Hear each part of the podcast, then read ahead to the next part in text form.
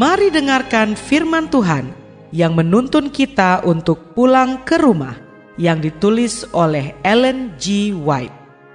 Melalui renungan pagi ini, kita akan belajar untuk berani menghadapi masa depan karena kita tidak lupa pimpinan Tuhan di masa yang lalu.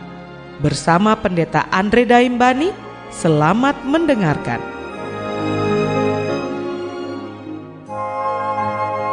Shalom, selamat pagi saudaraku. Renungan pagi kita hari ini 30 Maret berjudul Teladan dari Penyucian yang Benar. Ayat intinya diambil dari 1 Yohanes 3 ayat 3. Demikian firman Tuhan. Setiap orang yang menaruh pengharapan itu kepadanya menyucikan diri sama seperti dia yang adalah suci. Mari kita dengarkan penjelasannya. Dalam kehidupan murid Yohanes, penyucian yang benar menjadi teladan. Selama tahun-tahun pergaulannya yang erat dengan Kristus, sudah sering ia diamarkan dan diberi peringatan oleh Juru Selamat. Dan amaran ini diterimanya. Sementara tabiat guru ilahi itu dinyatakan kepadanya, Yohanes melihat kekurangan-kekurangannya sendiri dan merendahkan diri oleh wahyu itu.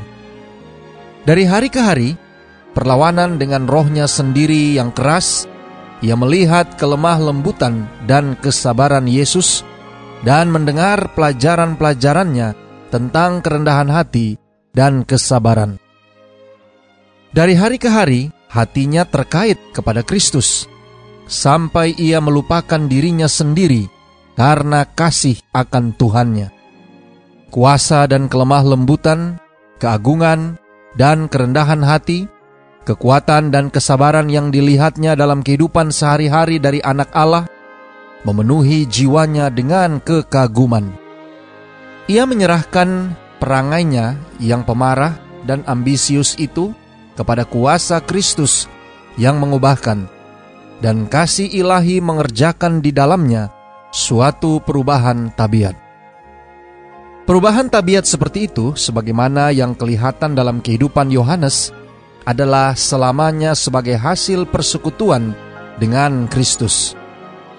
Boleh jadi ada kekurangan-kekurangan yang nyata dalam tabiat seseorang, tetapi bila ia menjadi murid Kristus yang sejati, kuasa anugerah ilahi mengubahkan dan menyucikan dia.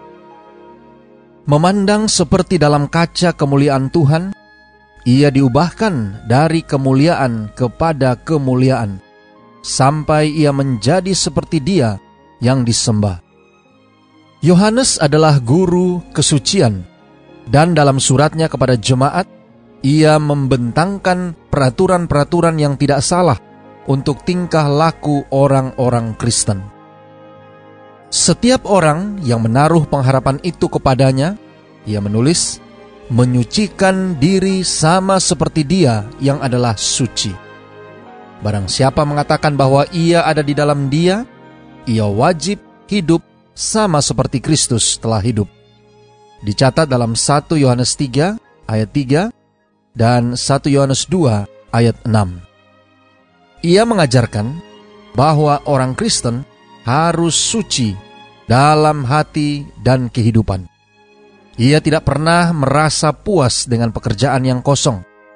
Sebagaimana Allah suci pada lingkungannya, demikian juga manusia yang sudah jatuh oleh iman kepada Kristus harus menjadi suci pada lingkungannya.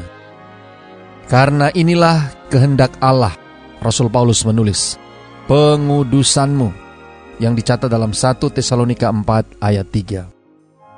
Saudara-saudara yang kekasih di dalam Tuhan, pengudusan jemaat adalah tujuan Allah dalam segala perlakuannya terhadap umatnya.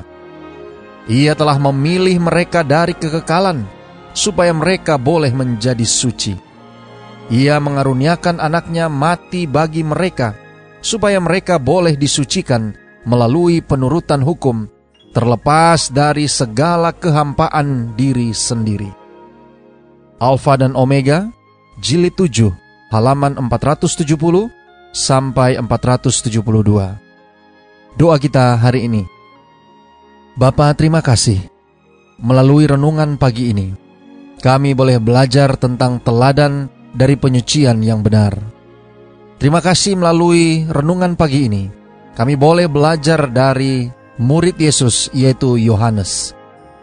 Tolong kami hari ini Bapa, biarlah dengan pertolongan kuasa roh kudusmu, kami boleh dapat disanggupkan untuk boleh hidup selaras dengan apa yang engkau kehendaki.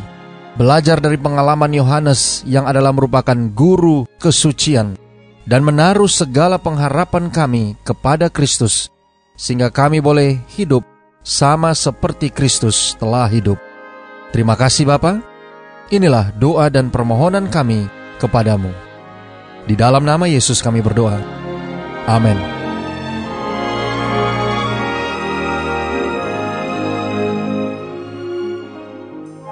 Demikianlah tadi pembahasan tentang pulang ke rumah.